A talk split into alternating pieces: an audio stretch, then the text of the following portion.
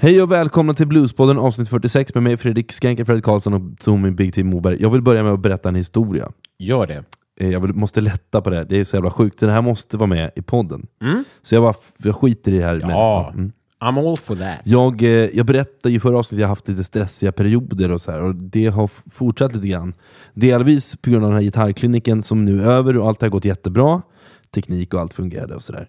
Men jag har lyckats tappa bort min eh, arbetstelefon som jag har för att kontakta mina klienter när jag jobbar inom boendestöd. Jättekänsligt är det ju, för det får ju absolut inte komma bort. Nu är den till mig åter, men vägen dit har varit lång grabbar och lyssnare. Jag, eh, det började med att jag skulle ut och spela. Jag, eh, och eh, då dagen innan så är jag jättestressad för att jag ska hinna hem och så ska jag packa en väska och sen så ska jag, jag ska sova borta helt enkelt. Eh, och jag, eh, nej men det är inte mer det, jag pack, kommer hem, packar om min väska, sticker iväg, eh, åker iväg ut och spelar. Sen det, går det två dagar, kommer hem och så ska jag hitta min arbetstelefon. Så jag eh, vänder upp och ner på mina 20 kvadrat som redan ser ut som ett rövhål. Det kan Och- jag intyga. Ja. och jag hittar inte telefonen.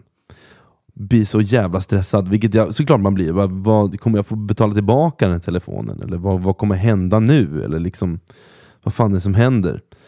Och då, i alla fall, så åker jag till min kompis eh, och kollar igenom eh, hens lägenhet för att kolla hur det ser ut. För det var det jag hade varit kvällen innan. Eh, hittar inte telefonen. Så jag, bara, jag ringer till min telefon och det svarar i andra änden.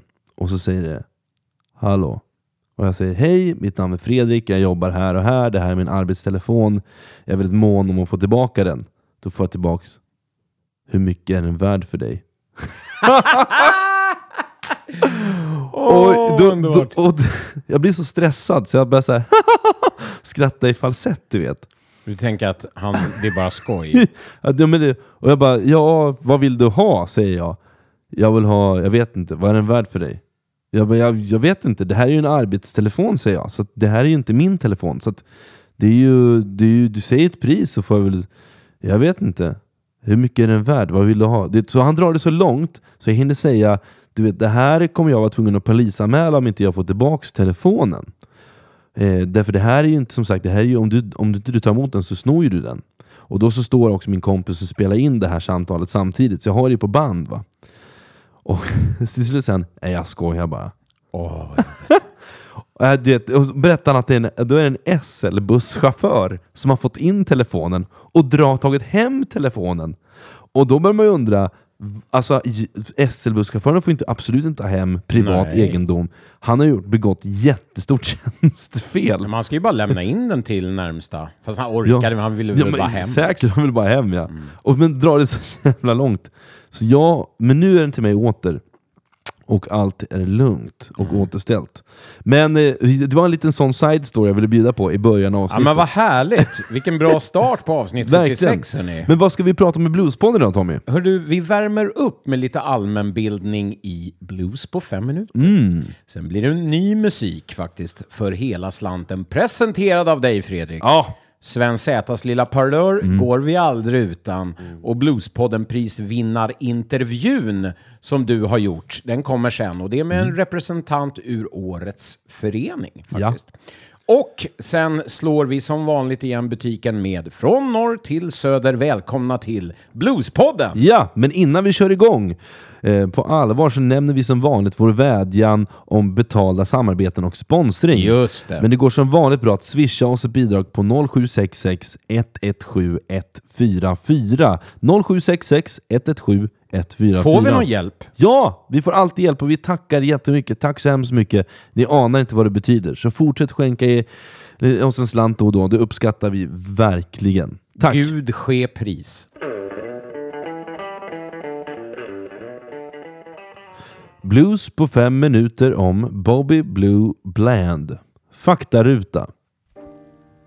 Namn Robert Calvin Bland, men mer känd som Bobby Blue Bland.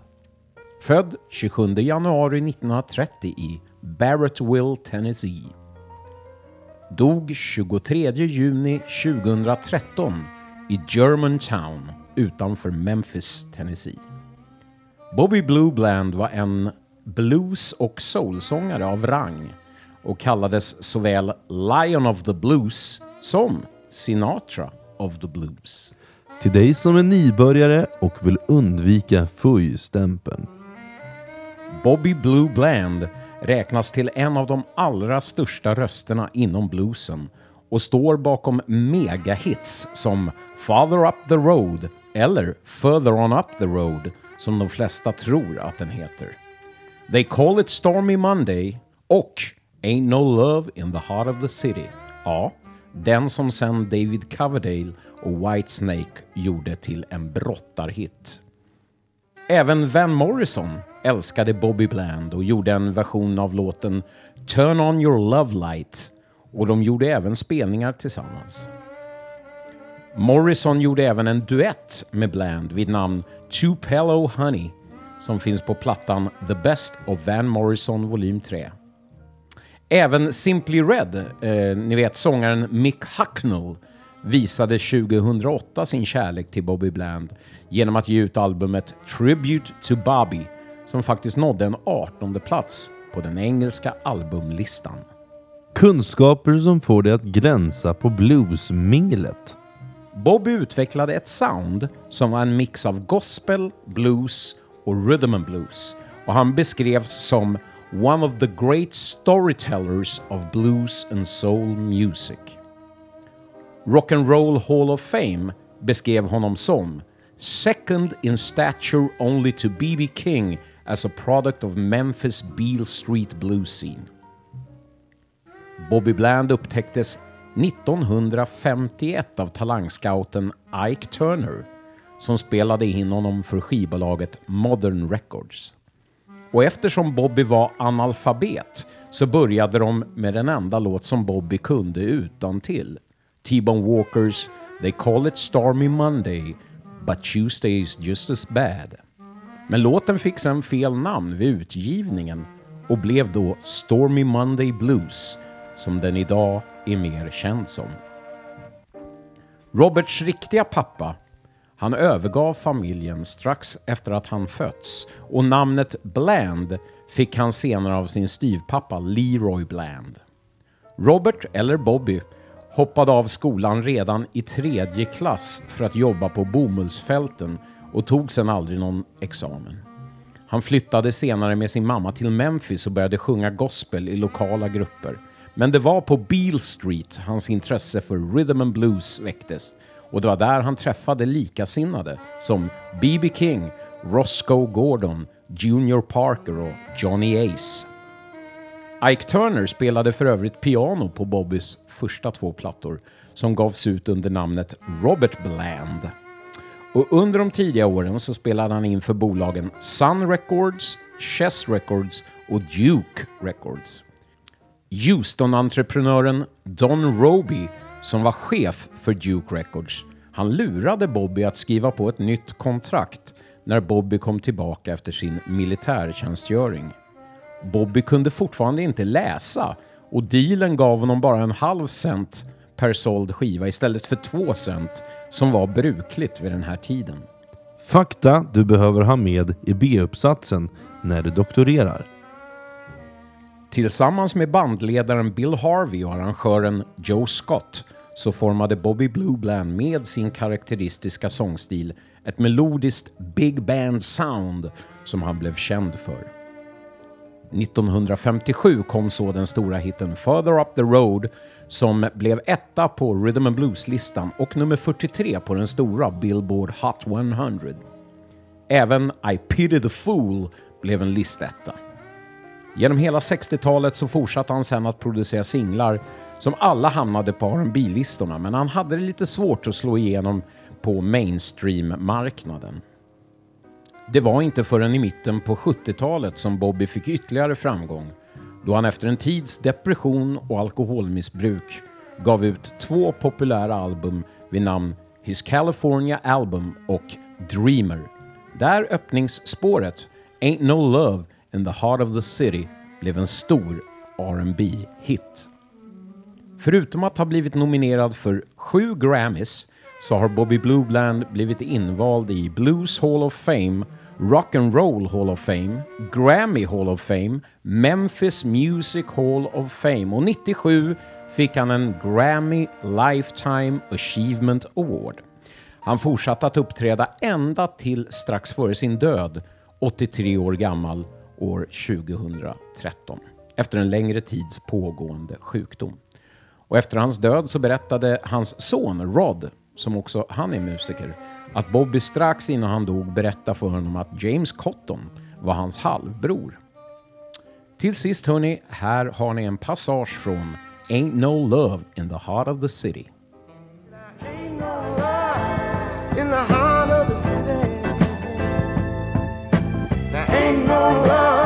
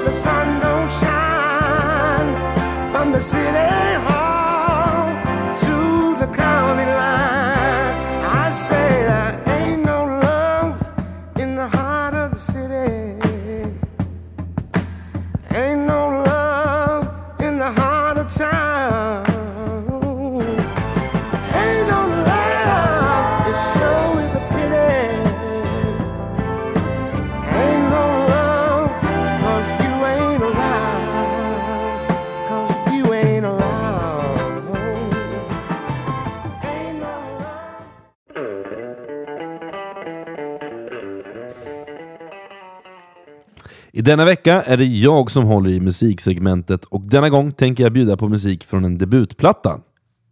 För cirka två veckor sedan så fick jag en länk skickad till mig från människor oberoende av varandra. Och videon innehöll ett band med en sjungande trumslagare. Ja, vad kul! Ja, precis. Jag visste att du skulle gilla det här. Han hade fångat mitt intresse. Det visar sig då vara trummisen Aaron Fraser som precis släppt sitt debutalbum med det kreativa namnet Introducing... Punkt, punkt, punkt. Skivan är släppt på bolaget Dead Ocean men är inspelad av Dan, Dan Auerbach. Och vad har vi på Dan Auerbach? Tom? Ja, förutom att det är en snorunge på 42 bast så är han gitarrist i bandet The Black Keys, men även soloartist och eh, som i det här fallet då framgångsrik producent. Precis! Don Auerbach driver en studio under namnet ECI Sound. Don Auerbach är också demonproducent eh, och har gjort många bra produktioner, både under eget namn men också under The Black Keys. Hans starkaste gren är just retromusik, eller blues, soul, retropop. Han är en producent i samma klass, skulle jag vilja säga då, som Jeff Lynne eller Daniel Lenoir. Du hör helt enkelt när han har varit med och rattat.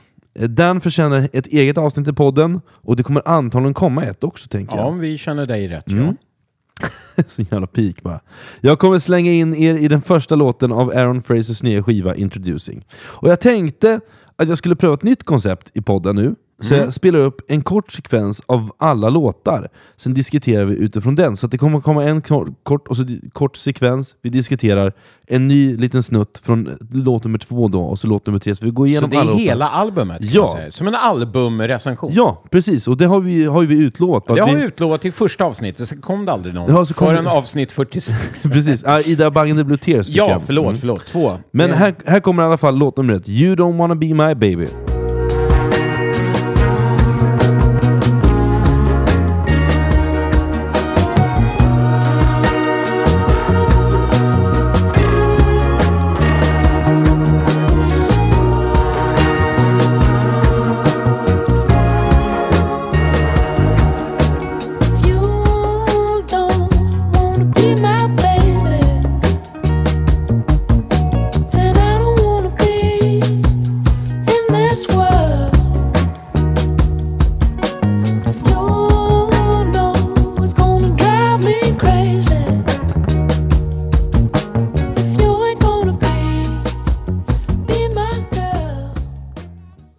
Vad säger du Tommy?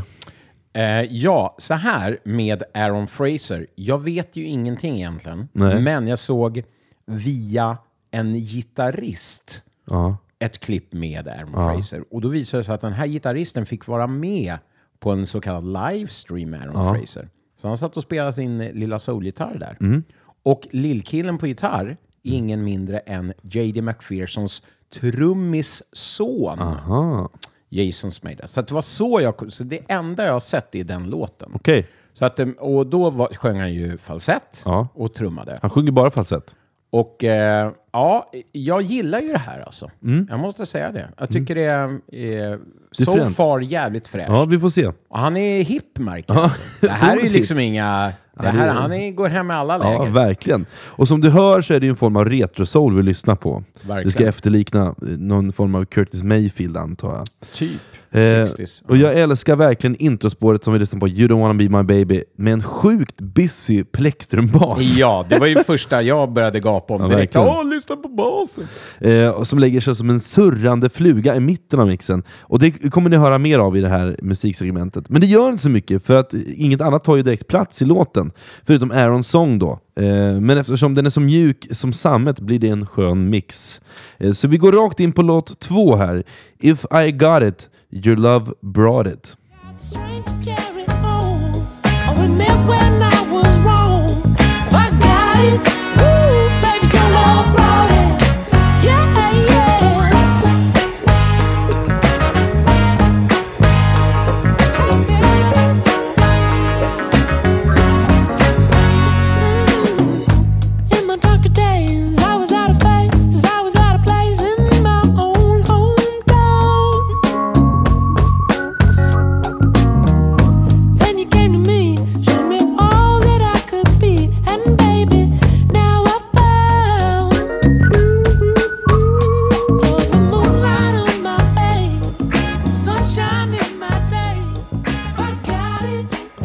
Ja, jag tycker andra låten, framförallt introt, påminner jättemycket om Malibu Man som är med Dan Auerbachs första soloskiva, Waiting on a song.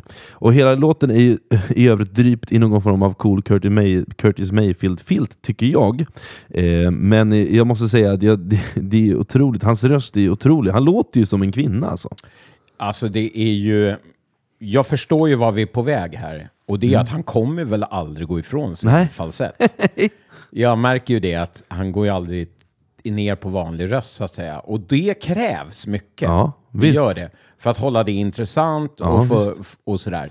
Men än så länge klarar han sig ju. Och mycket på, med hjälp av Dan Auerbach. Visst, För att jävlar vilket sound han får till alltså. verkligen. Det är galet när man hör den där lilla stängda hi-haten Ja. Och de här krispiga som en liten tamburin som ligger så fräscht där. Ja. Och folk ska veta när man går in i studio, det där får man inte bara till Nej, nej, på, på en höft, utan det krävs Verkligen. en jävla kunskap och en, ja, grymt producerad. Ja, ja, han är fantastisk, han har koll. Och sen är det någonting också, och det ska jag också ge en, eh, en inte brasklapp, för då är det något taskigt, men en fint att trummisar Mm. som sjunger, sjunger oftast lite svängigare än oss andra. Mm. Därför att det finns någonting i fraseringen kontra mm, hi-hat. I och, timingen, helt Ja, enkelt. precis. Jo, men det, det har jag fått höra också. Det, jag tror att man hjälps av båda sakerna. Alltså att man sjunger, som jag i vissa band, och sen spelar trummor Mm. i vissa band. Och att båda liksom, eh, ja, benefits, så att säga, Visst. av varandra. Så att ja, eh, än så länge eh, sjukt bra och Ja. eh, souligt och ja. Då fortsätter, Fint. vi, då fortsätter vi med nästa låt, och det är den tredje låten, och den har lite kaxigare ljudbild och heter Can't Leave It Alone.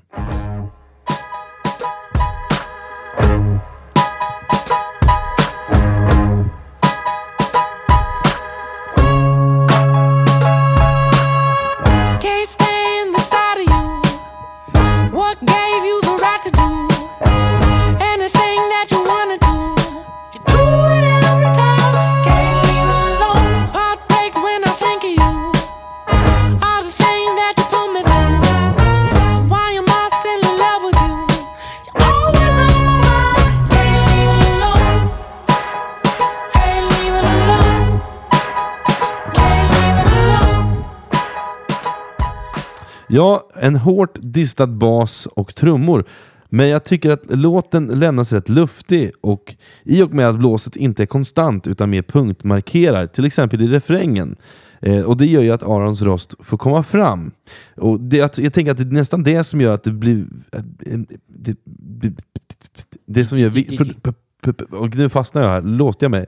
Det är det som gör produktionen intressant, att de har lyckats få till den här mixen av att hans röst hela tiden kommer fram så tydligt. För den är ju rätt mjäkig, men han sjunger i falsett så här, det är svårt att Det gör göra. det gör han ju på alla låtar. Jo, men att få det här i kraftfullt, det är svårt. Men, det- eh, ja, det är det. Vad tycker du? Alltså, jag, nu, jag kanske skulle behöva höra hela den här låten för att få hela liksom, dramaturgin, så att Mm. säga. För att det här var inte lika bra som de två första, tyckte Mm. jag. Eh, men alltså, det, på något sätt blir det ändå lite för modernt, fast han ändå liksom... Ja, det är ju samma producent och ungefär samma sound, men nej, här, här flörtar han lite med med eh, den heta klubbpubliken. Det är, så, det är spännande med tanke på att du, de flesta inspelningar du vill spela upp i podden är så 90-tals rätt slicka bluesinspelningar. Mm, ja. Det är rätt, och det här ska ju vara tvärtom. Det här är ju, det här är ju bra inspelat, Ja, men det här blir sound. slickt fast det är distat. Förstår du vad jag menar? Det är jättekonstigt. Men jag, jag får så här... ah, Det är liksom så här i the club på något sätt. Och folk sitter i sin bil och bara... Ja, jag får såna vibbar. Ah, gud, jag inte köper det. Men jag går vidare. Ja, gör det. Aron skulle kunna vara en sån där 50s matiné-idol som har förstått, missförstått tanken om vad det är. Skivan Introducing har ett 50s rosa omslag med, ett inklippt, med en inklippt Aron sittandes på en stol. Jag tycker det är coolt, men ändå lite fult, vilket också är inne. Vad tycker du? Jag har ju, jag har slängt in det här i så att du kan se i... Ja, jag ser det framför mig. Ja. Jag tycker det är ballt. Jag tycker också det. Ja, det är ett fint omslag. Men det är också, du förstår vad jag menar, det ska ju vara, det är ju fränt, men det ska ju Ja, men det är nästan lite black exploitation eh, eh, på just... Eh, vad heter det då? Bokstäverna. Ja, vad precis. heter det? Typsnitt Ja, i ordet typsnitt, jag ja. söker. Precis, exakt. Herregud. Ni vet, en sån här gammal 70-talsaffisch. Ja, exakt. Eh, shaft, Ja, säger vi. visst. Där har vi själva, bara så att ni som inte ser den framför er. Men ni kommer få se det i en så kallad eh, avsnittsbild. Precis, som vi alltid lägger upp. Ja, och det gör vi mest på, på Insta. Mm. Och våra Där omslagsbilder. jag förutsätter att alla som lyssnar just nu är med på tåget. Precis. Instagram, Bluespodden. Vi fortsätter med den fjärde låten, Bad News. There be bad news. There be bad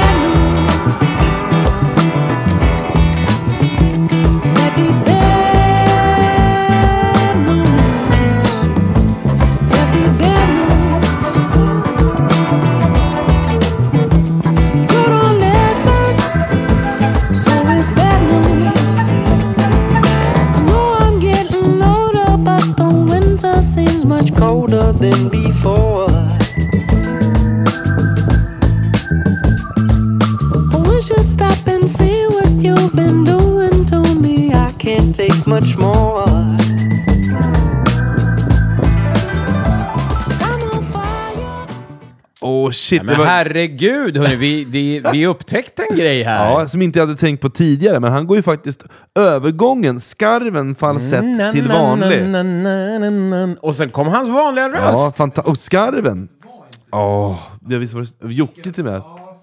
Det var väldigt fint. Man vill ju höra mer av hans vanliga röst. Men det är lite som Robert Johnson, att man, han spelar slide, men man får bara slide i slutet. Att man, man vill ha mer av det, men man får inte mer. Nej, han vill bara bjuda på den där lilla Ja, precis. naturligheten. Och jag kan tänka mig att det är Dan Auerbach som har sagt åt honom att sjunga så. Det är Faktiskt. den lilla demonen Dan. Precis. Men Bad News-låten, det är också den här som är lite hitten. Den har väl dykt upp lite överallt på sociala medier. aha, Och det är lite 70s-porr-vibe. Käft med flöjter och det är liksom aktiva trumspelet, Ja. plektrumbas. Något som jag reflekterat över inom hela den här plattan är att baskaggen är rätt högt mixat. Det Vilket brukar- tänkte jag faktiskt inte på. Nej, men och det måste det. betyda att han har fått den att flyta in bra då. Mm, det tänker jag. För jag satt och lyssnade efter tvärflöjter som låg som en liten, eh, som en liten smekning i bakgrunden. Ja. Tänkte på hur snyggt han har fått, eh, fått in dem. Ja, verkligen. Eh, Så att, eh, och såklart så blev jag ju knockad av att jag fick höra lite vanlig röst. Ja, också. det vart, jag tror vi alla ville bara sluta, sluta spela. Eh, Ja. sluta lyssna. bara, Sluta spela vill vi inte göra. Varför det här? men, eh, men nu kommer nästa låt. Balladen Have Mercy. Eh, jag har inte så mycket att säga mer eh, än att den har ett rätt ballt, eh, en rätt ball rumba-feeling. Med klave och ett stort plate-reverb. Och den kommer här.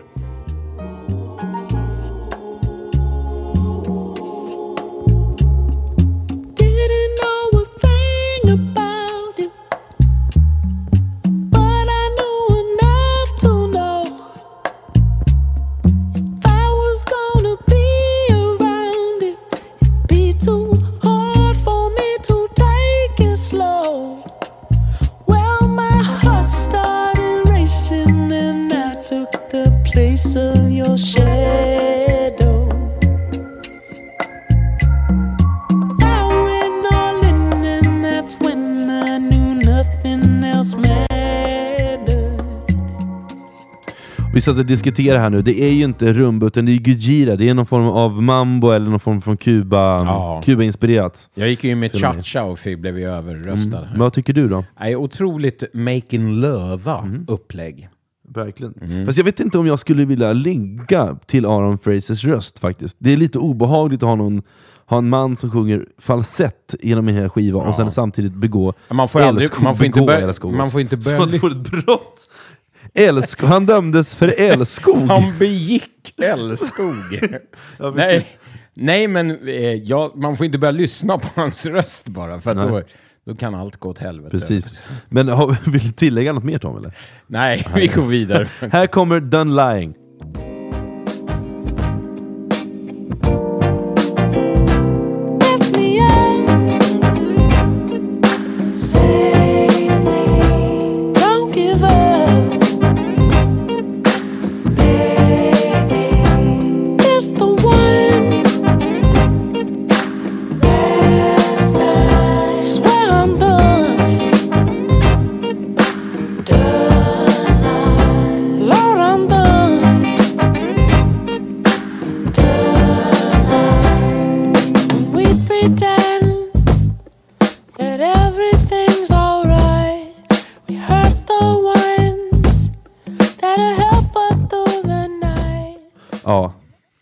Det här är kanske den tråkigaste låten tycker jag på den här skivan. Jag fick, vet du vad jag fick för något? Nej? Marvin Gaye-vibbar. Mercy, mercy me. Oh, mercy, mercy me. Men Jag tror han har lyssnat på allt det där. Det känns väldigt Såklart så, han inspirerat. Såklart. Eh, men jag tyckte det här var... Jag, hade, jag, jag fick ingen feeling alls, jag valde inte att säga mer. Nej. Så jag går vidare. Mm. Men jag tycker han sjöng faktiskt. eh, Eller det gör han ju på allt. Men eh, han hade en fin liten eh, passage där. Men jag som jag inte ska gå närmare in på. Nej, men jag kan han ty- sjöng bra. Jag kan tycka att vissa låtar passar hans bröst, den, den, den smälter in bättre än på andra. Ja. Eh, men Aaron Fraser spelar ju vanligtvis bara trummor i bandet Durand Jones and the Indications. Som vi också skulle kunna ha ett eh, avsnitt Ja, om. visst. För de har jag faktiskt lyssnat på. Ja. Jävla bra soulband. Vilket, det är ju då, då får du ta upp det. När du, Durand. när du har, har valt att avsluta, när du liksom dina gubbar har tagit slut så får du ha med dem. Hör du, jag har så mycket Ja. kvar att ge dig. Vilket, i alla fall, eh, eh, Duran Jones and the Indications är också ett soulband med cirka en miljon lyssnare i månaden. Eh, och det är lite samma karaktär som Aarons skiva, skillnaden är att de har ett otroligt eh, körpaket. Eller Rätt feta körer Ja, ja, på galet. allt. Eh, men jag går vidare, med sex låtar kvar går vi vidare med låten Lover Girl.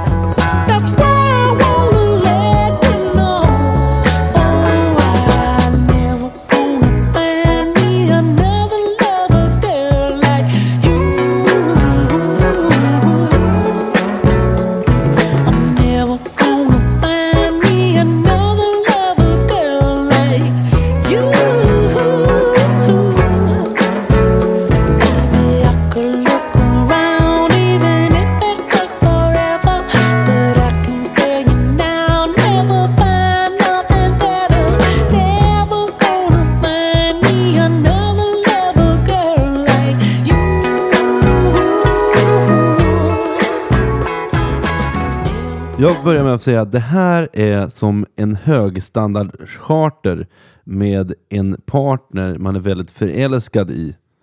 Och eh, sen spenderar man bara, det är bara härligt. Med högstandard charter menar du att ni sitter i första klass då eller? Ja, precis. Och det, men första klass, det är bungalow. Det är bungalower. Inte bungalow. det Men är... hörru, vadå? Har du flugit men- första nej, klass? Du är ja, typ den gjort. enda jag känner. Mm, det har jag gjort. Men, Får, jag, får jag nudda dig? Mm, såklart. Ta på mig. Ja. Men Jag nuddade just en hand som har suttit första klass. Ja, så här. Nej men det är bara feelgood, det är bara, allt är bara så jävla mysigt och trevligt. Ja. Det finns liksom inga fel. Det är, det är bungalow med siden, sidenlakan, Nej. du vet, Nej, det är billig underbart. sprit och, Ja. och mycket älskog. Men vet du vad det är också? Det är unga, snygga människor Mm. Ja, i rålis som Ja. spelar lite kubb och bara eh, har framtiden för och allt är bara skönt. Ja, verkligen. Gud, det alltså vilket soundtrack det här är. Och jag tänker ändå så här att skönt att du ändå berömmer låten, men samtidigt finns en uns av bitterhet. Ja, det finns alltid ett uns av av bitter. bitter. ja. Men att vi går vidare till nästa feelgood-dänga som jag faktiskt tror är min favorit här. Eh, en riktig bilåkarlåt och den heter Ride With Me.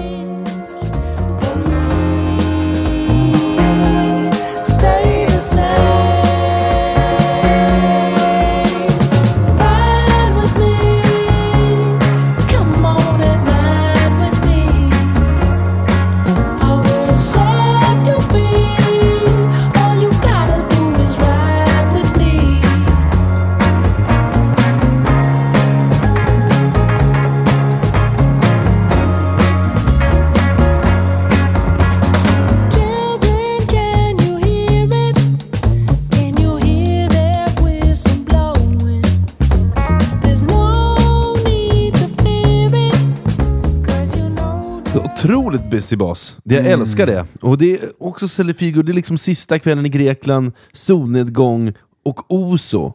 Och sen är man vaken och pratar hela natten. Ja. Och så somnar man när man inte orkar med det. Det är liksom den feelingen får av låten. Men du får inte stanna vid prat, Fredrik. Nej, men nu var det prat, just prat som vi pratade om. Ja.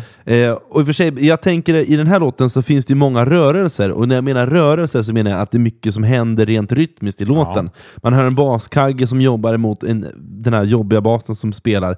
Men Nej, jag tycker basen är bland det bästa han har faktiskt. Jag tycker han spelar svinbra. Ja. Och eh, jag, tror, jag tror jag kommer komma till lite senare vem det är som spelar bas på allt det men det tar vi sen. Eh, men du gillar också det här? Nej, men det är klart jag gör det. Eh, Och här var det lite ne- mer nerskalat. Det var inte liksom eh, stråkar och eh, tvärflöjter. Nej. Utan det var mer bara vanliga det, sättningen så att säga. Bas, trum, gitarr Ja. och så vidare. Och jag- Lite klaviatur. Ja, men det var bra. Och jag gillar det. Så nu kommer vi till låt nummer nio, Girl on the phone.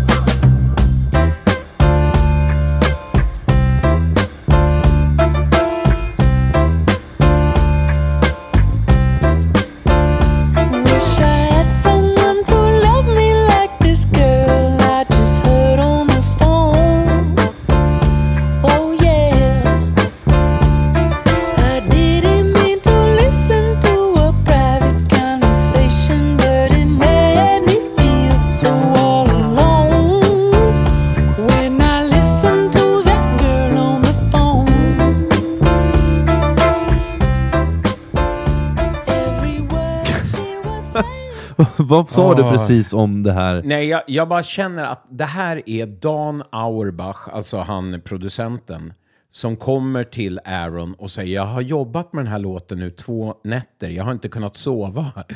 och eh, det här är, vad tycker du? och så kommer han, och så spelar han upp det här. Och så är han lite så här, han är i extas över sig själv samtidigt.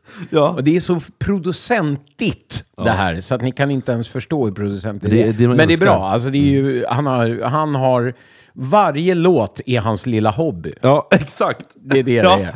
Verkligen. Hans lilla hobbyprojekt. Ja, man, man tror ju att det ska komma en tung 6-8 här, liksom som lite bluesig. Bara, prr, som, Ja, och så som jag längtar efter en shuffle nu. Ja, och sen så, med ett, och så kommer det, ett, ett, så kommer det någon pianoklink istället med falsettsång. Men ja, en Mm. Det är den. Aaron vi känner nu. Ja, det är den, och jag hoppas att det kommer en till platta sen.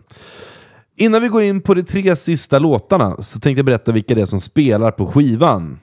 Och det är då Aaron Fraser, sång och trummor, Dan Auerbach, producent, mixning och elgitarr. Sam Bacco på percussion, tubular, tubular ble, bells, bells, vad säger man? Tubular Bells, vet du vad det är? Nej. Det är inte bara ett album med Mike Oldfield, utan det är ett percussioninstrument också. Med Ja, en, det- en ställning där det hänger stålrör. Vad heter det på svenska? Som man slår på. Det finns inget svenskt namn. Säger jag nu bara för att vara kaxig. kanske finns ett svenskt namn. Säg- Det, det visst finns ett svenskt namn, det tänker... hänger långa, om ni tänker, Ja. det är som en, en klädställning på hjul. Precis. Och så hänger det långa vi, stålrör. vet du vad, vi skickar ut en fråga till lyssnarna. Ja, tubular bells. Men det är, det? är faktiskt ett... Ni vet Mike Oldfield, eller vad då ni vet? Det, ja, ni som inte vet, ni vet inte. Ni får kolla upp det. Men det är ett album som Ja. heter det. Precis.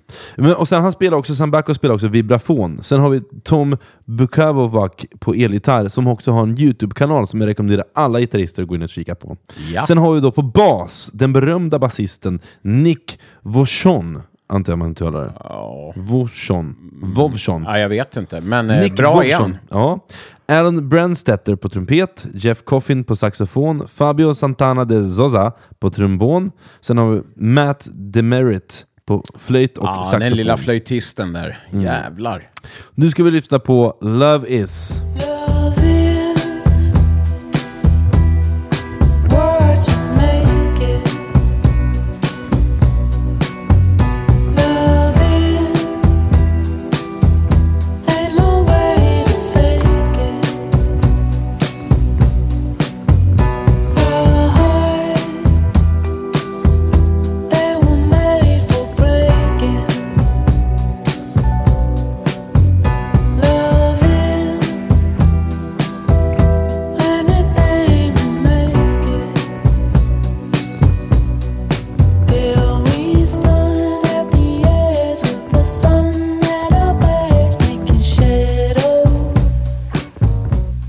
Vad säger Tommy?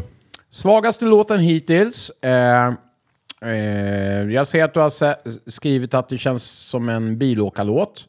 Jag tänker på natten. Mm. Ja, ja verkligen. Verkligen. Och glida runt Det, till den här. det är inte som Ride With Me som känns lite happy. Ut, på, Mm, ut första dagen på turné. Utan Nej, nu, nu ska det man här hem. var mer så här, jag vill bara hem nu. Ja, precis. Nej. Eh, nu sticker vår jag producent har- mellan med en ytterst otrevlig kommentar. Ja. Men då svarar jag, jag har väl för fan åkt bil din jävla tjockis. Oj, eh, ja så långt skulle inte jag vilja gå. Utan jag vill gå mycket längre. eh, nej men... Eh, Jag känner mig kränkt. Vi går bara vidare. Ja. Det, är, det är en liten pastisch. Ja. Men jag tycker det- det är, det är nice att basen tar ett kliv tillbaka, även om den är rätt stor och fet så tar den rent spelmässigt ett kliv tillbaka. Verkligen. Eh, och ja, jag tror det, trummorna är inte så påaktiva. Nej, Men, nej. eh, nej ja. det är ju bara en, en väldigt soft. Ja, soft precis. Vi går vidare till näst sista låten, Over You. Här kommer den. Bajs. Woo!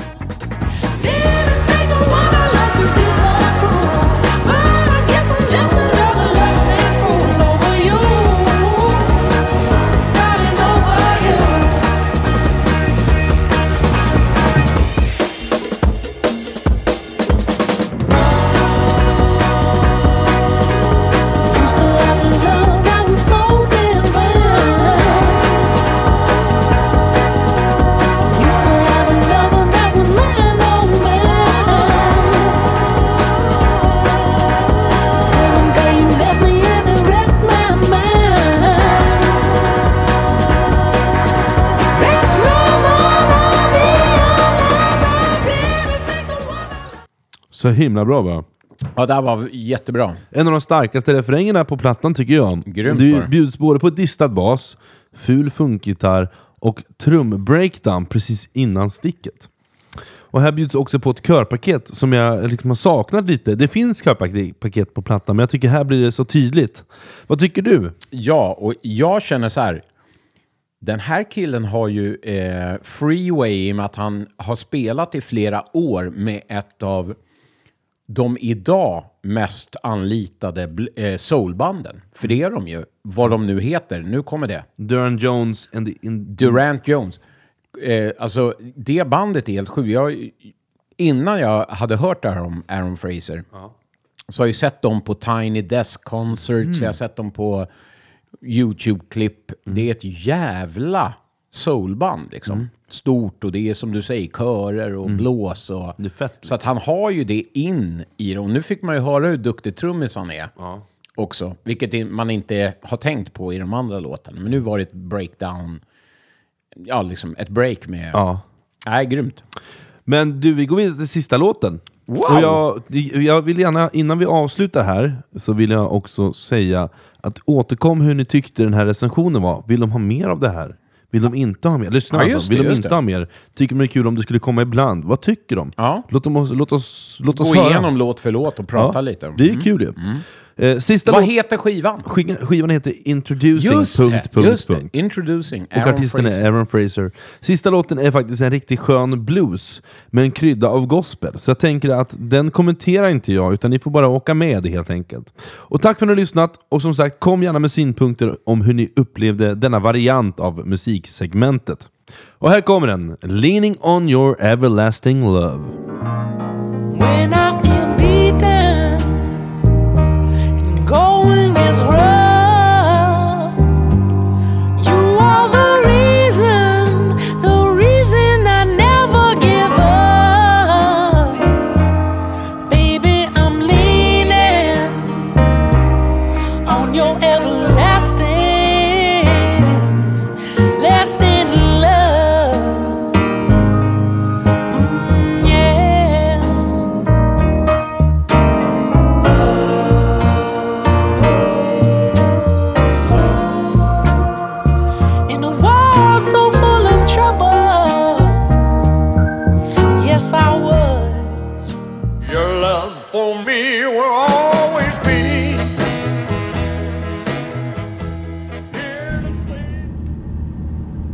Alltså, kan vi inte stanna snart? Jag måste ha Gumle.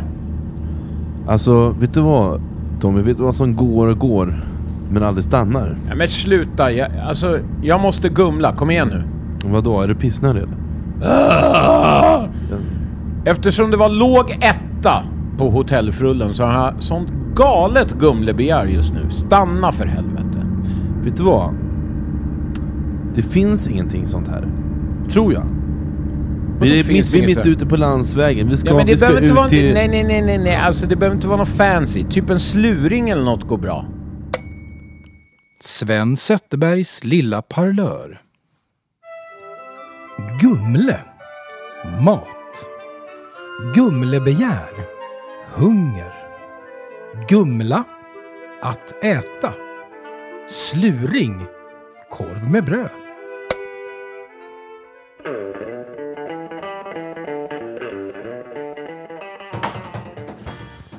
Det är dags för veckans Bluespodden-prisvinnarintervju och denna gång har jag Tony Berg på tråden.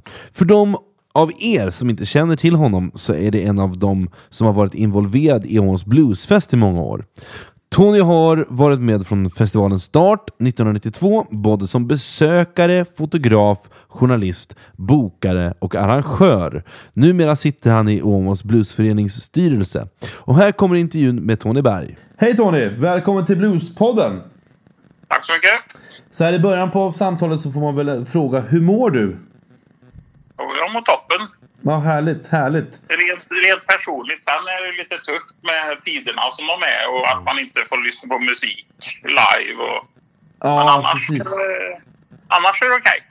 Eh, Åmåls Bluesfest som eh, du är med i eh, startade 1994 va? 92. 92! Och har, har ju sedan dess vuxit och är nu... Det är väl Sveriges största bluesfestival? Ja, ja det, det är vi sedan ganska många år tillbaka. Ja. Och varför tror du att ni har blivit störst? Jag tror att mycket av det beror på det tidiga arbetet som eh, eldsjälar som Christer Nilsson och Nils Lönnsjö la ner och liksom skapa en kultur och jag vet ju att i början när, de skapade bluesfesten så eh, var det väl ganska många Åmålsbor som rynkade lite på näsan åt det här med blues och sånt här. Men nu är de allra flesta väldigt positivt inställda till den här festen. Du har väl alltid varit en del av festivalen, men nu, vad har du för roll nu i styrelsen? Eh, ja, styrelsen har varit med i sista två åren men sen Nils slutade så har jag tagit över som artistbokare. Ja. Och eh, jag är även pressansvarig och har hand om marknadsföringen. Och mycket av det här gör jag ju tillsammans med Agneta Andersson då, som också är med i styrelsen och som sköter vårt kansli.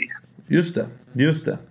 Så att eh, vi tillbringar många kvällar i normala fall och sitter och jagar artister och skriver kontrakt och förhandlar. Och... De flesta som lyssnar på den här intervjun av våra lyssnare har nog egentligen en fråga och det är hur mår egentligen Sveriges största bluesfestival? Hur mår Åmål? Kommer ni köra ett år nu 2020 2021? Kommer det vara vaccinpass eller hur, hur går det för er?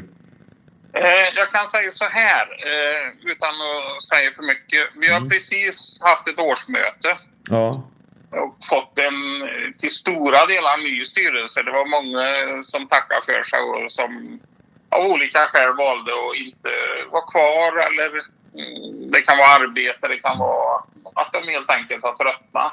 Ja. Så att den nya styrelsen kommer att ha ett möte under senare delen av april och där kommer vi ta ett beslut Mm. utifrån att vi måste eh, ha ett ja eller nej senast i slutet av april för att kunna eh, säga upp de avtal och sånt som eh, vi behöver göra med lokalhyror och annat om vi inte ska köra. Mm, precis. Och eh, ska vi köra så måste vi vara säkra på att vi kan köra också då. Mm. Eh, för säger vi ja, ja då, då har vi åtagit oss det här och då kan vi inte backa ur sen. Mm. Så att eh, vi försöker hålla väldigt god koll och även ställer lite frågor till berörda myndigheter och sånt, hur det ligger till och sånt. Ja. Dessvärre måste jag säga, och det här är min personliga reflektioner, det här har inget med Bluesens styrelse att göra eftersom vi inte har tagit någon beslut än. Nej. Men eh, man ser ju att både Sweden Rock och de- de flesta andra festivaler redan har ställt in. Ja. Så att eh, personligen så tror jag nog att det ser mörkt ut. Ja. Men eh, jag, vi har definitivt inte tagit ett eh, beslut om att inte köra än. Nej, men jag förstår. Utan vi hoppas ju givetvis kunna köra. Jag tror ju personligen att när det här väl släpper och när vi väl får ha publik igen så kommer det vara ett enormt sug efter livemusik. Det får vi hoppas, det tror jag också. Ja, Så- ja, jag är helt övertygad om det. Alltså, alla man känner är, är det något som kommer upp och pratar, visst vi pratar corona men det landar ändå alltid på att ja, vad jag saknar livemusik. Ja, såklart. Och det... En inser kanske inte... Det är först nu när man har varit borta ifrån ett, ett år man Mm. inser vad otroligt viktigt det är att kunna gå ner på en lokal och lyssna oavsett om det är ett lokalt band eller en känd artist. Mm. Bara att få liksom energin från någon som står på scen och gör någonting live. Hur ser du eller ni på den ojämna maktbalansen som ka- kan uppstå mellan er som stor festivalarrangör kontra musiker som hamnar i en form av beroendeställning? Ja, alltså... Eh, nu pratar jag för mig själv eh, som bokare och så. Då. Ja. Det här är ju inte en officiell hållning från Bluesfestens sida. Men jag skulle ändå tro att det är samma värderingar där. Vi kommer ju inte på något vis försöka slå mynt av att det finns massa mer band som vill spela. Nej. Utan eh, vi kommer att försöka jobba precis som tidigare. Ja. Och jag menar, det är ju så här som arrangör då. Visst, man kanske kan ta chansen ett år och spela ut banden mot varandra. Och, de som kommer med lägst gage, de vinner. Men det är ju inte riktigt det det handlar om för oss. Utan Nej. vi vet ju vilka artister vi vill ha. Och Ja. Vi vet vart priset låg innan pandemin. Och vi vet att vi kommer att få betala det nu också. Mm. Och sen är det ju så här att många av de artisterna vi hade bokade till i fjol, Ja. de har ju vi gjort klart att de vill vi ha i sommar. Ja. Och det är ju några amerikanska artister där då som inte som var ute på turné i fjol eller skulle ha varit. Ja. Som inte har planerat nu i sommar då. Så där får det bli något nytt då. Men eh, nej, alltså vi, vi kommer ju... Blues-Sverige är ju inte så stort trots allt. Nej. När det gäller Precis. artister. Så vi kommer ju använda oss av de artister som vi vet har varit här. Vi vet är bra. Mm. Vi vet vad vi får. Mm. Precis. Sen är det klart att det kan komma nya förmågor, absolut. Men eh, vi, vi kommer inte att använda pandemin som ett slagträ för att liksom sänka några gager eller något sånt här. Utan vi vet ju hur hårt det har drabbat alla och det, det var ju också en anledning till att vi körde den här livestreamingen i höstas för att åtminstone kunna erbjuda våra fantastiska ljudtekniker och ljudfirma Ljudmakaren Ja. någon spelning i alla fall. Hur tänker du, ni i Åmåls bluesförening på det som, som jag tänker kanske kan vara rätt vanligt i Sverige? För just för att blues, bluesscenen är ju så familjär på något sätt. Den är ju, alla känner ju alla. Man är oftast kompisar, arrangörer och, och, och band och, och sådär. Hur har ni sett eller ser på det här med svågerpolitik? Ja, alltså Hur löser ni för att, in, för att inte ska bli... För det är ju oundvikligt såklart i vissa fall att det blir det. Eh, såklart. Men, eh, men jag tänker, hur, hur jobbar, ni akt, jobbar ni aktivt för att förhindra det? Eller hur, hur, hur tänker du? ja, vi, vi har ju några strategier när vi bokar artister och sånt då. Ja. Eh, och mycket, en del av det styrs ju av eh, stadgarna som finns i föreningen. Att vi ska jobba för eh, en afroamerikansk musikkultur. Ja. Vi ska också jobba för en jämställd scen. Mm. Eh, och det försöker vi göra, men det är också väldigt svårt att få till en scen där det är precis 50-50. För Mm. tittar vi på utbudet så av tio band så består nog ja, sju, åtta band av män. Ja. Och så har du två, kanske tre band av kvinnor då. Ja. Och det gör ju att det ibland är mycket svårare att hitta band med tjejer och kvinnor. Ja. Eh, Men vi försöker ändå och vi vet ju att du kan aldrig få riktigt 50-50. Men målet är att vara så nära som möjligt. Mm. Eh, Någon gång kan det till och med vara så att vi lyckas över förväntan så att det kanske är mer kvinnor än män. Mm. Eh, Men samtidigt så ska det inte bara styras av det utan det måste ha en blandning av bluesen. Mm. Vi kan inte bara ha 15 band med Chicago Blues. Nej men jag håller med. Det- gäller ju att få... Eftersom bluesgenren är ju väldigt bred. Det finns ju mycket att hämta av.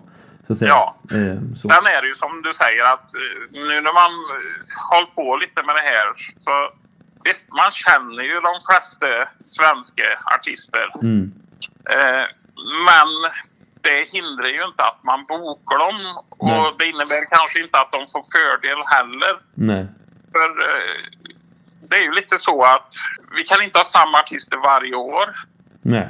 Eh, utan man försöker kanske eh, och varva så att ja, man är här vartannat år eller kanske var tredje i vissa fall och sånt. Sen är det också så, det finns väldigt många band, bra band, bra artister som vi troligtvis inte känner till i Sverige. Mm. Och det, jag kan också tycka att det är lite förvånande att vi inte får fler eh, ja, förfrågningar från eh, okända band och Just sånt. Men tror du att det handlar om att de kanske känner redan nu eh, att de... Att, nej men vi kommer aldrig få spela på Åmål. Det kommer, finns inte en chans. Alltså, jag hoppas ju att det inte är så. Nej. För eh, vi, har ju, vi försöker alltid plocka med några nya ansikten och namn och band. Även om gubbarna kanske har stått i en källare och spelat i 50 år. Mm. Så är de nya för oss så kan det ju vara intressant ändå. Ja. Och även unga förmågor. Och vi har ju även vårt Junior Blues Prize där vi försöker att stimulera någon ung artist eller något ungt band varje år. Mm. Jättefint. Det, onekligen är det ju så att det är svårt att få en spelning på stora scen på terminalen. Det, så är det ju, för det är ju inte så många spelningar där. Nej visst. Det är ju förståeligt. Men i och med att vi har så mycket spelningar både på gatubluesen och i Kulturmagasinet Ja. eh, fyra, fem dagar här. Och nu börjar vi ju... Kör vi i sommar så blir det ju från onsdag till söndag, så det är ju fem dagar. Mm. Så att det finns utrymme. Så vad, vad, egentligen till, vad vill du hälsa till alla, till alla musiker nu som, och som spelar i band och så här som verkligen, verkligen, verkligen vill ha en spelning? För vi har ju ändå väldigt mycket musiker som lyssnar på den här podden. Eller som vi är en Ja. musikpodd. Vad, hur ska man höra av sig till dig då? Eller till Alltså vi, vi, har ju, vi har ju en e-post som finns på vår hemsida. Ja. Eh, skicka lite info om bandet, gärna några länkar vart vi kan höra hur det låter. Och, eh, live eh, heller inte helt fel. För menar, ibland kan man få någonting som låter otroligt bra på skiva och man blir intresserad. Sen åker man och lyssnar någonstans och så visar det sig att det här funkar kanske inte live.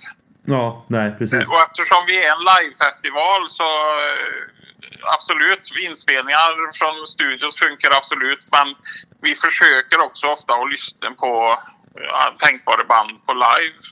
På Youtube eller vart det nu går. Mm. Så att, och sen gärna lite info vart man finns och vilka man är. Och, Mm.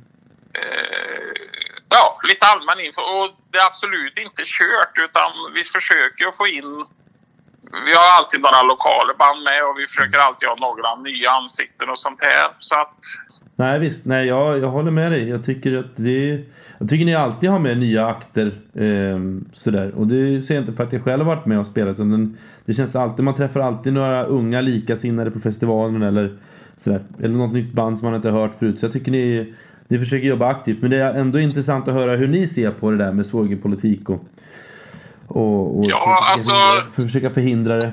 Så. eh, jag kan väl säga så här att jag upplever inte att vi har, eh, vi har... Jag ser inga problem med att vi känner så mycket artister. Tvärtom. Ja. Eh, vi kan sy ihop en festival utifrån det vi vill ha. Alltså, nu har vi den här musiken här. Vad ska vi? Jo, men vi har ju dem också. De kan vi ju höra om de är spelbara, om de kan då den här helgen. Så att, eh, det, det är ingen som riktigt bara kan ringa och säga att jag kommer. Ja, det är klart. Skulle Clapton ringa och fråga så säger vi ju inte nej. Men det, det är ju liksom... Nej, vi försöker att dels då rulla runt så att det inte är samma artister varje år. Ja. Och att alla, alla får chansen att komma och spela. Då. Det stora problemet som jag ser för oss som bluesfest om vi inte kör i sommar. Mm. Det är att det kommer bli svårare och svårare att få folk att komma och hjälpa till och jobba ideellt. Ja. Eh, nu har de varit lediga en sommar, förra sommaren. Och blir de lediga en sommar till så risken finns ju att en och annan upptäcker att ja, men, istället för att liksom slita en hel vecka med bluesen så kan vi faktiskt vara i stugan en vecka till. Ja, precis. Ni är ju med i, i Bluespodden för att ni vann årets, årets förening i Bluespodden-priset 2020. Det är därför som vi sitter och snackar här idag. Eh, Ja. Och eh, hur, jag tänkte kolla, hur mottogs informationen inom föreningen att ni hade blivit nominerade till årets förening? Eh, ja, för det första, nomineringen var ju väldigt trevlig. Det var ju mycket, vi pratade ganska mycket om den eh, på telefon och så vidare och eftersom vi redan då hade börjat med Zoom-möten, styrelsemöten och sånt. Ja. Eh, Men eh, så det, det var ju otroligt positivt. Det är alltid roligt att få uppskattning. Vi uppmanar ju också givetvis våra anhängare och sånt att gå in och rösta på oss. Sen eh, måste jag nog påstå att det var ganska många av oss i styrelsen som inte var inne och röstade i just den kategorin för det känns lite fel. ja, det förstår jag. Men vi var ju livligt med att rösta på alla andra klasser och det är en väldigt rolig grej när jag startade. Så att, eh, Verkligen. Jag hoppas att vi kan det, det är fortsätta. också sånt där, alltså tittar den på bluesen och bluesens betydelse för modern musik så går den ju egentligen inte att underskatta. Nej, visst. Men tittar man på medias och framförallt eh, musikindustrins behandling av eh, bluesen så blir man ju mörkrädd. ja, verkligen. Det är, som att, det, är, det är som att titta på någonting som katten har släpat in. Kan jag Ja, lite så. En halvdöd råtta som ligger och blöder på köksgolvet. Precis. Och det där tror jag grundar sig från medias sida så tror jag det är väldigt mycket okunskap. Ja. Eh, Det är helt enkelt för dåliga de som jobbar med det här för att veta vad de ser och hör. Mm. Eh, Sen är det väldigt många som är specialiserade när det kommer till media och musik och sånt här. Ja, men jag gör bara rock. Ja, men hur kan du göra rock utan att liksom ha blues med dig? pris. Men jag tänker att Bluespodden-priset, vi måste, vi måste ta fanan här känner jag. Jag känner ett otroligt ansvar faktiskt. Eh, likt jag, jag antar att egentligen föreningar också känner. Men eh, jag känner ett otroligt ansvar som har en podcast att man försöker förändra bilden på bluesmusik. Att det inte är så trött som kanske fördomen säger att det är. Du, jag går, jag går vidare här Tony, så vi kommer, kommer vidare. Ja. Eh, jag, för nu nästa fråga är ju hur det kändes att faktiskt vinna. Jag kanske måste säga, eh, min personliga uppfattning var redan innan att jag trodde ni skulle ta hem priset eh, med tanke på det enorma arbete ni har gjort för just bluesmusik. Och även under det eh, för, gudsförgätna året 2020 så var ni, hade ni ändå en festival i form av livestream. Så, men hur kändes det i- inom föreningen? Hur upplevdes det, mottogs det att ni, att ni faktiskt vann? Jo, det togs emot väldigt positivt. För, Ja. för det första då så... Det är alltid roligt att få uppskattning. Ja. Och sen är det ju så att vi, ju- även om vi kanske är störst i Sverige inom bluesen så är vi långt ifrån ensamma. Det finns väldigt många bra både små och stora festivaler. Ja.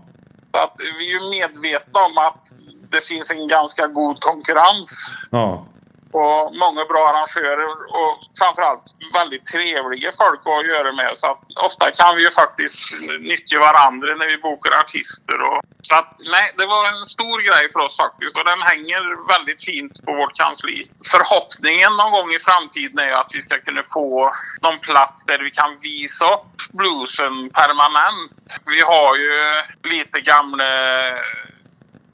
grejer från artister och sånt här som varit här och lite annan gammal memorabilia som vi har skapat under åren. Våra första affischer och lite sånt här. Mycket sånt finns ju och sen eh, lyckas vi ju faktiskt köpa en eh, av Roffe Wikströms gitarrer nu när han sålde av lite. Det är också en stor grej att få ha i föreningen. Oj, det är jag som är stort Roffe Wikström-fan måste väl... eh, Måste verkligen hålla med där. Vilken gitarr var det? Får man fråga det? Ja, vi köpte en Eric Johnson Strata, en röd. Mm! Just det. Och det vet, den vet Trevlig sak. Den vet Ja. jag vilken det är. Det är Sen eh, har vi ju även, eh, ja, bland de grejerna vi har så har vi ju tvättbräda som eh, Breezy Payton i Reverend Paytons band spelade på när de var här. Just det. Och lite såna här grejer. Några gamla kepsar från, eh, jag tror det är Lace Lester eller någon sån där. Vi har nog lite nyheter vi kan presentera här framöver. Inte riktigt än eftersom allt inte har gått i lås. Men eh, vi jobbar ju som sagt var på att utveckla inte bara bluesfesten utan både bluesen och bluesföreningen. Det, det ska bli jättekul att få höra vad, vilka framsteg ni gör. Jag förstår att du måste vara restriktiv i, med exakt vad du säger. Men Tony, en sista fråga som jag har till det här. Ja, Eh, eller jag faktiskt, jag kom på, jag har en till fråga. Men det, vi i Bluespodden har ju gjort en mängd uppskattade fältreportage på olika festivaler runt om i, i Sverige. Eh, och vad säger ni om att vi kommer och gör en hos er? Kanske nästa festival? ja, det är klart ni är välkomna. För kan vi intervjua och göra hela kalaset? För det är någonting vi skulle tycka var jättekul. Ja, ja, men det är klart att ni är välkomna att göra det. Fan vad Det kul! fixar vi. Ja, vad roligt! Eh, då, då till mina sista frågor som jag har nu i denna, denna monsterintervju som jag har med Tony Berg. Eh, det är ju kan, bästa och sämsta minnet från festivalen. Kan du berätta det? Det kan vara musikaliskt, det kan vara um, upplevelse generellt. Ja, eh, det sämsta kan du få med en gång. Ja, Det var, eh, det var väl den här tiden i fjol när det blev klart att vi var tvungna att ställa in, ställa in förra årets bluesfest. ja, ja i och för sig. För det, det, var, det var otroligt tungt. Och det var också riktigt tungt under bluesveckan på sommaren. För vi har ju levt med det här sedan 92. Ja, Andra helgen i juli då är det blues i Åmål, då är det fest och liksom då lever hela stan ungefär som en västkustpärla. ja.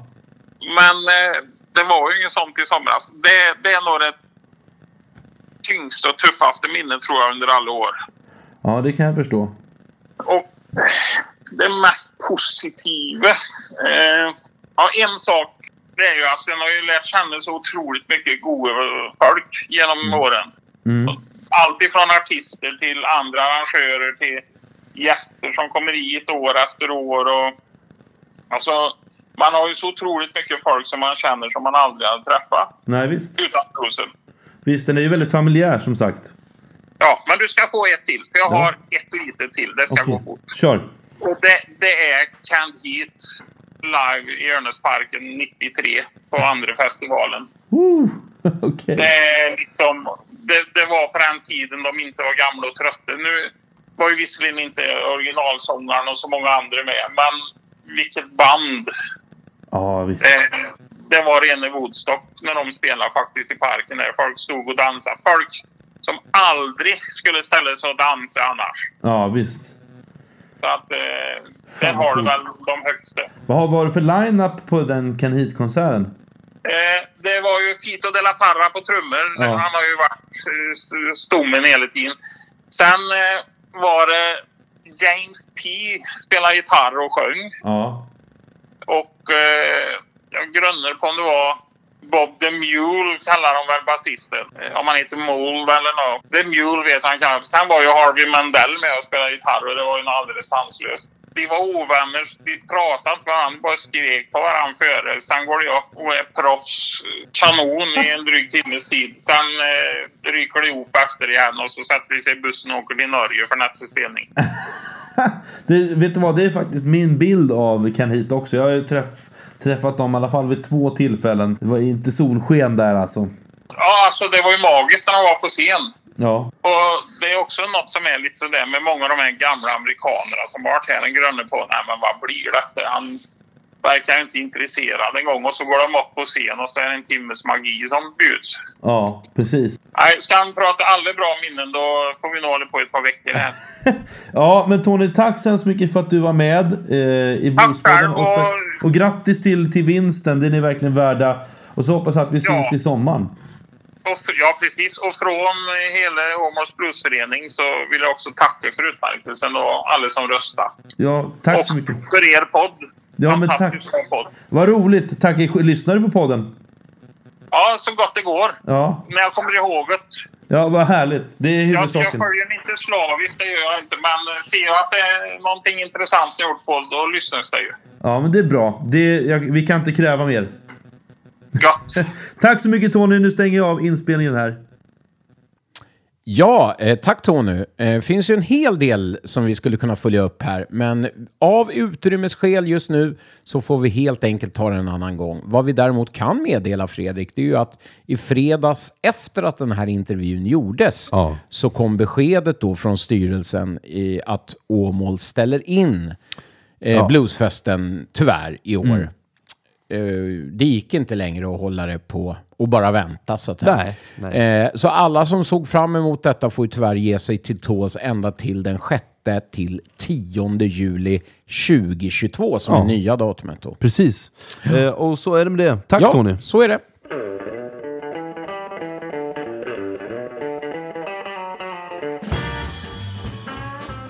Denna veckas Från norr till söder kommer hela vägen från Orust och från ett relativt nystartat projekt som heter Thomas Joe Group. En bluesrock-trio som har släppt en singel, Those Days, men snart kommer en hel platta. Så detta är en exklusiv förhandslyssning av kommande platta med Thomas Joe Group. Och jag antar att låten börjar snurra som vanligt i bakgrunden, men det vet vi inte ännu. Thomas har hämtat inspiration från Johnny Winter, Jimi Hendrix och såklart Steve Ray Vaughan. Han hade ett uppehåll med musik, men har plockat upp detta igen och med sig på trummor har han och bas har han P.O. Hesselblom på trummor och basisten Tero Eddie. Och här kommer låten som heter Cheer Up. Ja, den börjar väl eh, rulla lite Ja, här. jag tror ja. det. Ja. Och hur ska, vi, hur ska vi sammanfatta det här? Hur kändes avsnitt 46? Eh, Kan man kalla det för plojigt? Nej, absolut inte. Jag eh, tycker att det var kul att ha ett nytt koncept med eh, att man går igenom alla låtar på en Ja. platta. Så eh, det tar jag med mig och vi får ju se vad våra, våran publiks dom är Verkligen. kring det här. Jag, ser ju, jag, ser, jag nämnde ju det här att jag, du har ju en jävla skiva. Jag tänker att det här är bara en bråkdel av alla dina skivor va? Så det här är ingenting det jag har som du ser framför. Precis, jag tänker att det, det, du har ju en, en back med skivor här som vore kul att gå igenom. Men kanske man ska filma, man kanske ska filma det upp på Youtube, Tommos musikhörna. Ja, nej, Så alltså då, då, då, vill jag, då vill jag ta fram mycket, mycket mer i så fall. Men jag vill inte göra det för då tar det upp hela min lägenhet om jag ska ha alla Och skivor. du är ju lite pedant Tommy. Ja, alltså jag, vill, jag, men jag vill inte ha allting här nere. Nej. Men eh, jag tycker det var kul med... Eh, eh, eh, ja, men att vi fick höra från Åmåls Bluesförening. Det är inte varje dag Nej. man intervjuar en förening, Nej, en representant verkligen. från en förening. Det var kul. Så att, eh, eh, och eh, sorry så att säga, både Ja. till dem och till oss, att det inte Verkligen. blir något i Det år. får bli nästa år. Men vi vart ju inbjudna nu till att komma och göra Ja. en, ett fältreportage. Det noterade och jättekul och jag hoppas att vi alla tre kan åka ner och göra ett sånt här fett. Verkligen. Och då tänker jag, då, Fältreportage. då kan, vi, kan vi nästan lova ett, alltså nästan ett, ett, ett fyra timmars avsnitt uppdelat på två. Absolut. Med alla artister vi ska intervjua, Mm. jag menar vi ska ut på stan och flänga. Ja. Jag menar, det, det kommer bli ett sånt episkt avsnitt. Bara att du går runt på campingen med en inspelningsapparatur gör ju att jag får eh, ståpäls. Ja, precis. Så att det här kommer vara, det är en episk grej Precis. som är på gång. Men tills dess så får de lyssna på det här. Verkligen. Eh, tack ska ni ha för att ni lyssnar och för att ni swishar. Och eh, glöm inte att kolla upp Bobby Bluebland, mina damer och herrar. Och Aron Fraser. Verkligen. Ah! Ja, det var inte i närheten, men nu kör vi! Åh herregud, ett fyrstruket striking